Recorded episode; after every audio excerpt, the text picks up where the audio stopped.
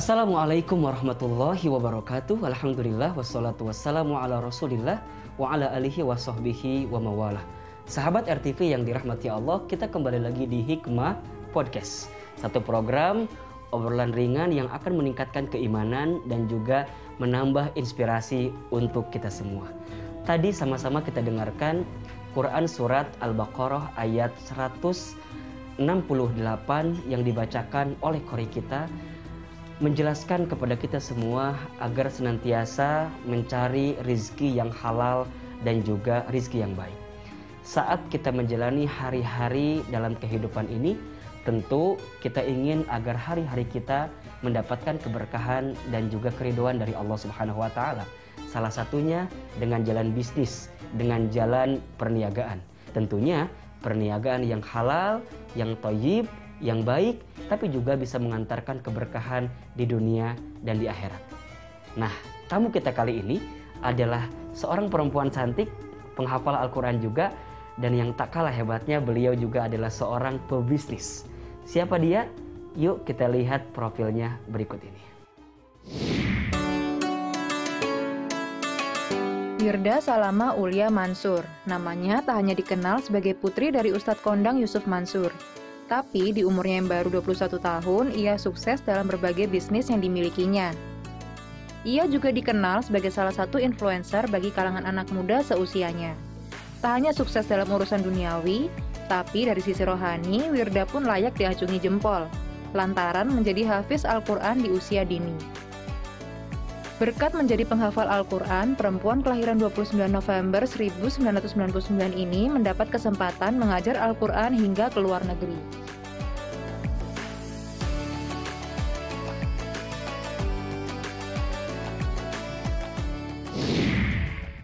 Ya, tamu kita kali ini adalah Wirda Mansur. Assalamualaikum Wirda. Waalaikumsalam Ustaz. Sehat. Alhamdulillah sehat. Alhamdulillah. Sehat, bahagia, kaya raya. Alhamdulillah. Itu saya diajarin sama papa Ustaz. Mm -mm. Jadi kalau uh, kita ditanya kabarnya tuh harus berafirmasi. Oke. Jadi sehat, bahagia, kaya raya. Kaya raya. Biasanya kan orang kalau ditanya gimana kabar lu, biasalah belum bayar kontrakan. Nah, kayak gitu kan. Iya, Jadi iya, kita iya. harus membiasakan diri berafirmasi yang baik. Walaupun gitu. belum kebayar kontrakannya ya. Wah itu dia.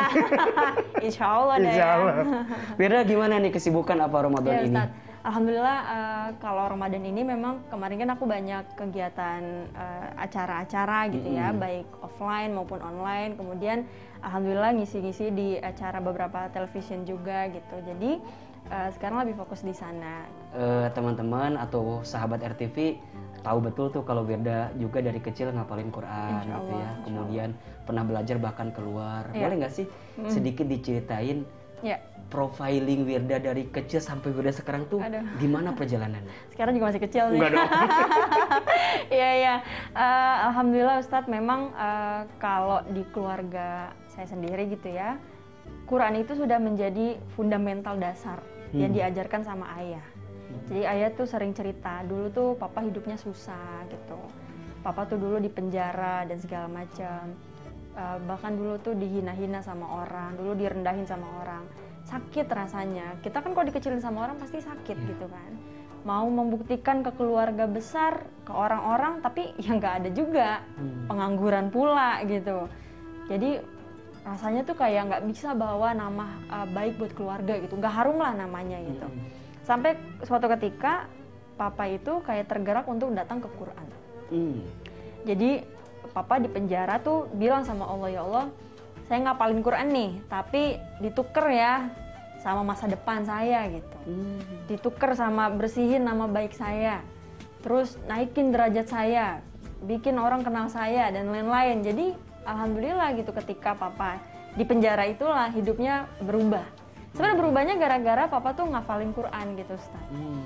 Nah, uh, wasilah dari ngafalin Quran itu papa jadi kayak punya utang budi gitu loh. Oh. Akhirnya papa uh, berkomitmen untuk mengajarkan hal yang sama kepada kami-kami anaknya gitu. Atas dasar itulah gitu. Jadi aku tuh dididik dari kecil udah ngafal Quran sejak usia 7 tahun. Akhirnya tuh aku atas dasar inisiasi sendiri gitu ya. Ngomong nih ceritanya ke orang tua Ustaz. Mhm. "Eh, Pah, mah aku mau keluar dari sekolah gitu Oh. di situ uh, papa udah nggak kaget karena oh ya udah paling nyantren gitu kan mama yang di situ awalnya rada-rada kurang mendukung gitu Mhm. karena ya gimana kalau kamu nggak sekolah gitu gitu akhirnya aku tuh nunjukin gitu bahwa aku nih insya Allah gitu udah punya niat banget buat ngapalin Quran Hmm. jadi aku minta izin untuk keluar dari sekolah kemudian masuk pesantren Oke. ya jadi dari kelas 5 SD tuh saya udah nyantren Ustadz Oke. dari kelas 5 SD dan kebetulan nggak nyantren di tempat sendiri jadi Oh. biasanya kan kalau anak-anak kiai begitu ya Heeh, heeh. dikirimnya ke Dilempar ke mana dilempar gitu. ke mana Oke, oke. gitu jadi Terus, terus? selama SD tuh saya keliling-keliling gitu seluruh Indonesia berbicara soal uh, gimana sih uh, ya walaupun saya nggak ada nggak ada apa-apanya nih atas kemurahan Allah aja uh, sampai titik ini bagaimana sih kalau saya bilang semua berawal dari impian dan doa Ustadz Hmm. karena kan nggak banyak ya orang-orang yang sampai saat ini masih takut untuk bermimpi Betul. takut untuk berdoa karena pertama dia ngelihat data fakta logika Mm-mm. nggak masuk akal lah semua muanya Mm-mm. kita mah orang susah gitu kalau ngomong makan kita mah siapa nggak dari keluarga terkenal kita mah siapa bapaknya gimana gimana padahal impian itu nggak ada syarat gitu kan Iya. nah ini maksudnya aku tuh sering campaign ke anak-anak muda Ustadz bahwa ayo kita mulai dengan impian semuanya gitu Oke.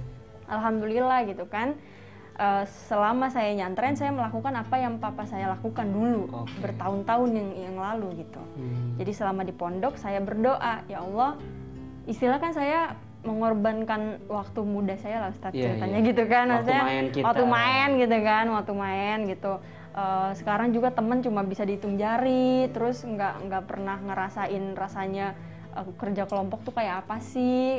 Pun pakai seragam tuh kayak apa sih gitu kan? Tapi saya bilang sama Allah ya Allah ini saya mau barter. Saya pengen jemput masa depan saya lebih awal. Masya Allah. jadi itulah yang membuat saya akhirnya ya udah Wir ayo kita berkorban dulu di awal lah. Oke. susah-susah dahulu bersenang-senang kemudian gitu kan. Selama di pondok saya berdoa gitu Ustadz Eh, saya nulis di kertas impian-impian saya itu apa? Mhm. saya pengen jadi apa? Mau ngapain? Mau ke mana setelah ini? Oke. dan alhamdulillah eh, setiap ngafal Quran itu sebelum menghafal saya kayak baca proklamasi dulu Oh.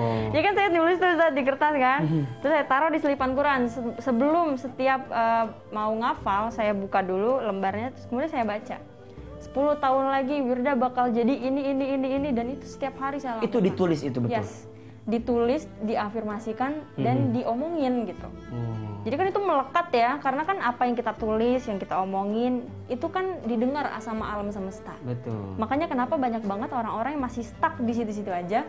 Barangkali karena pemikiran dia, pemahaman dia, keyakinan dia, dan ucapan dia masih di situ-situ aja. Dibatasi gitu Iya. kan. Iya, karena limit kita kan sebenarnya diri kita sendiri, Ustaz.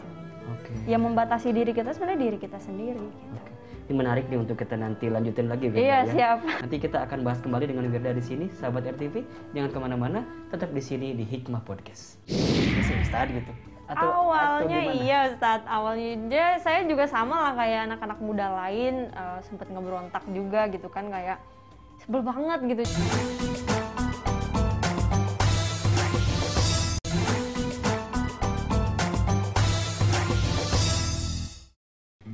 Sahabat RTV, kita kembali lagi di Hikmah Podcast bareng saya Hilman Fauzi dan tamu kita kali ini Wirda Mansur. Ya. Wirda, tadi kita sudah dengar nih cerita Wirda ingin menghafal Quran ya dari kecil. Bahkan harus memilih untuk tidak melanjutkan sekolah secara formal karena ingin belajar Al-Quran tadi, ingin menghafal Quran.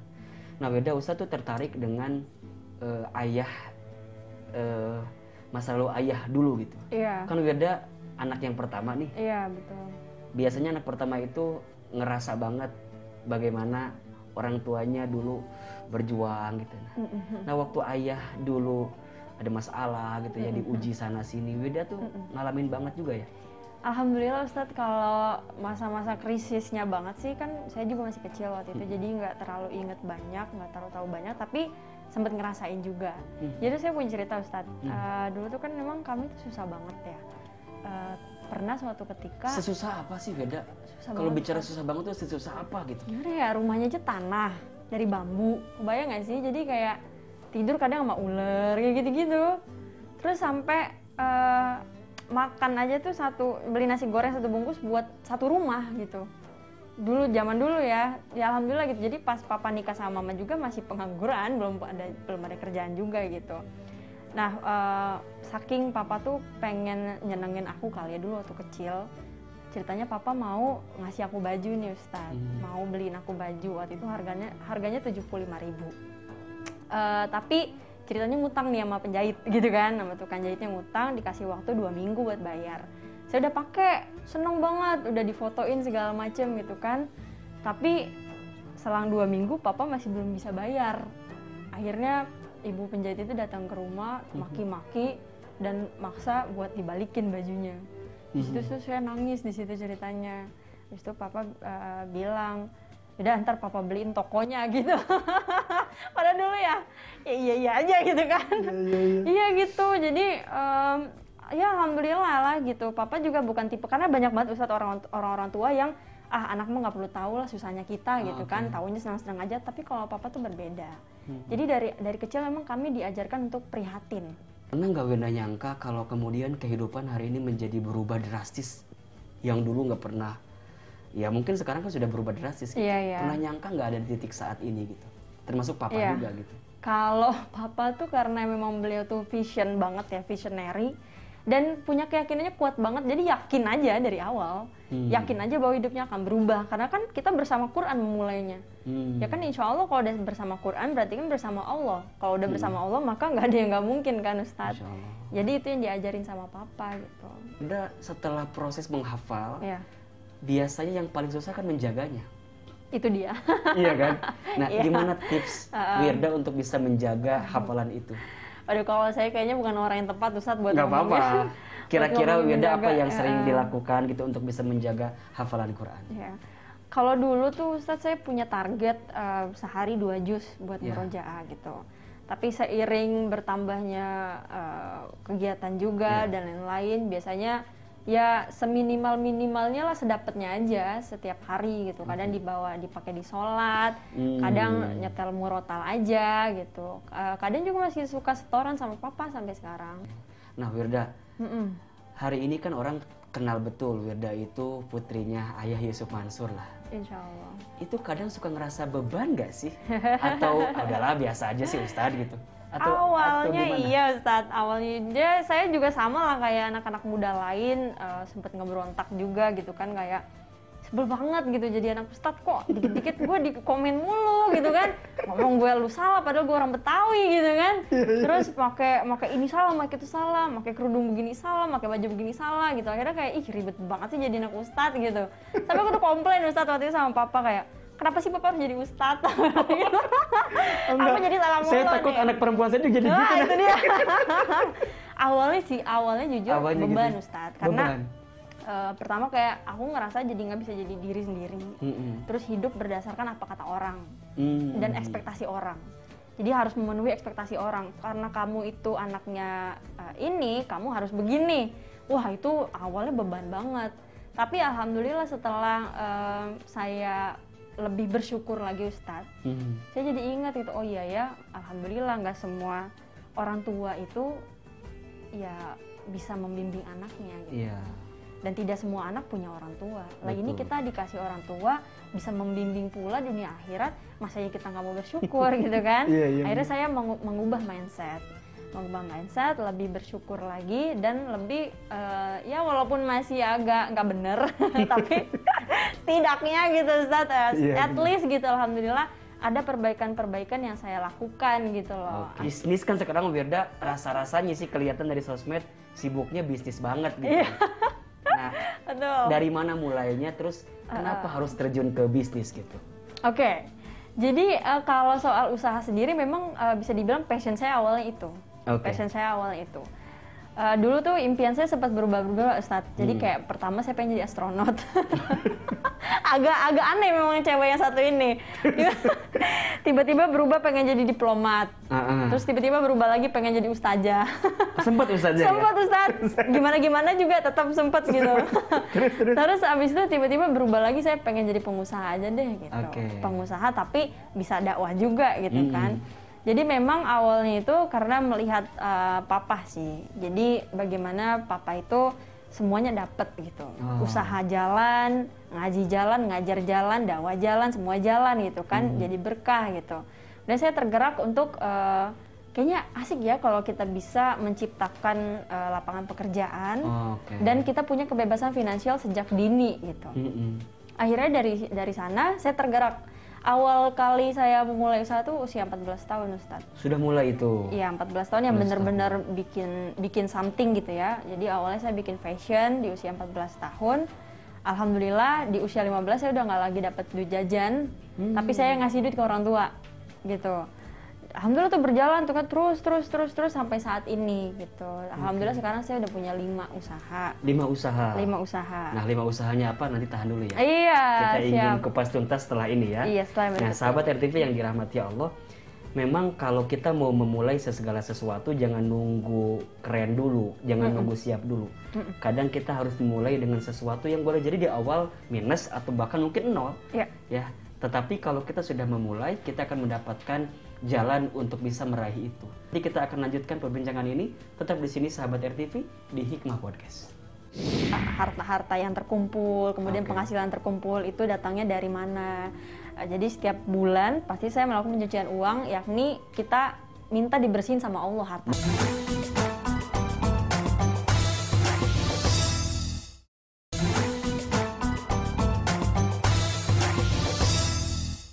Sahabat RTV yang dirahmati Allah, kita kembali di Hikmah Podcast bareng saya Hilman Fauzi dan tamu kita kali ini Wirda Mansur. Membacakan pertanyaan yang datang dari sahabat RTV semua. Waduh, asik. Nih, coba kita Yeay. baca nih pertanyaan yang sudah masuk. Mudah-mudahan nggak ada pertanyaan bikin deg-degan.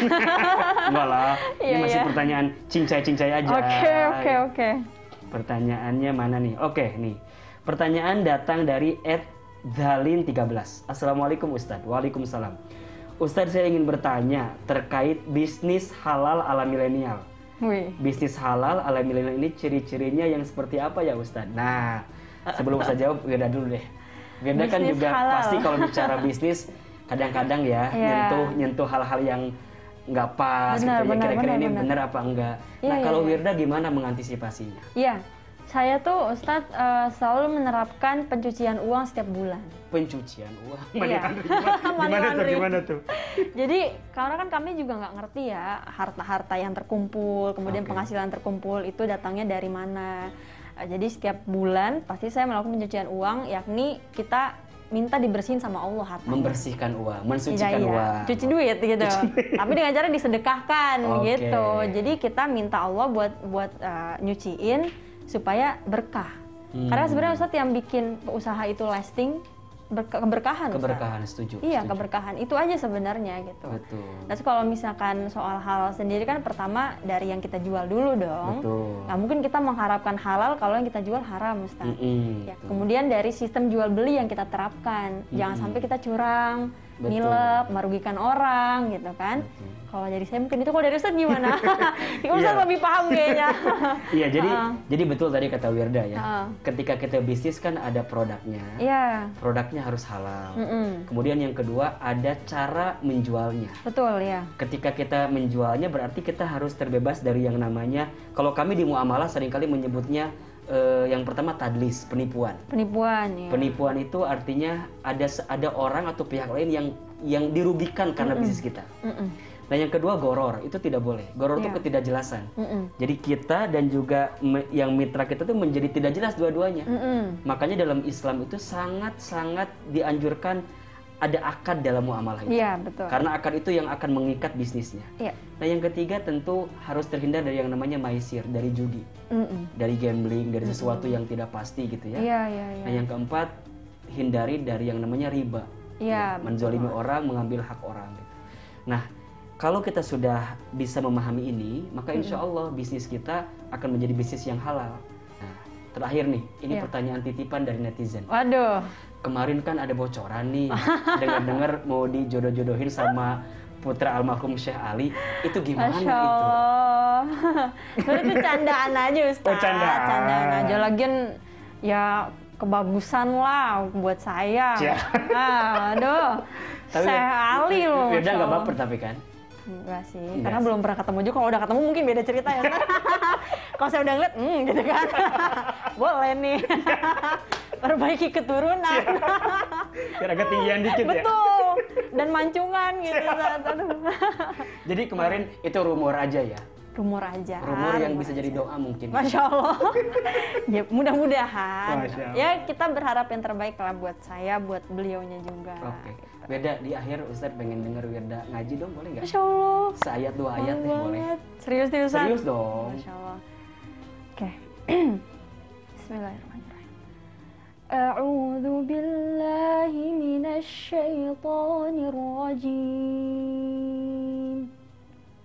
بسم الله الرحمن الرحيم الرحمن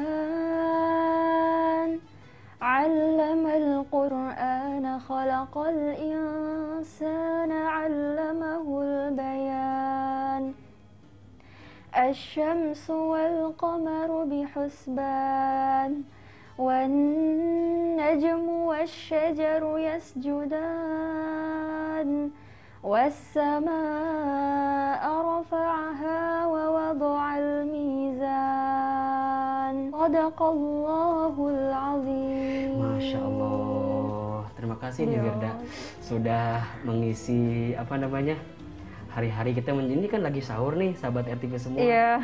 Sudah ngobrol, sudah dibacain Al-Quran. Mudah-mudahan ada manfaatnya pemirsa dan Amin, kita bisa amin, mendapatkan amin. Wirda terima kasih Saya yang makasih Ustaz udah untuk diundang. waktunya sudah hadir di Hikmah Podcast. Siap, siap. Semoga teman-teman milenial nih terutama bisa terinspirasi agar kita memulai bisnis dari sekarang. Jangan nunggu nanti, nanti keburu mati. Jangan nunggu kapan-kapan, nanti keburu dikafani.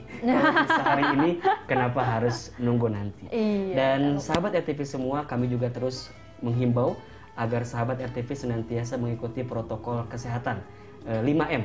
Menggunakan masker, menjaga jarak, mencuci tangan, menghindari kerumunan dan mengurangi mobilisasi.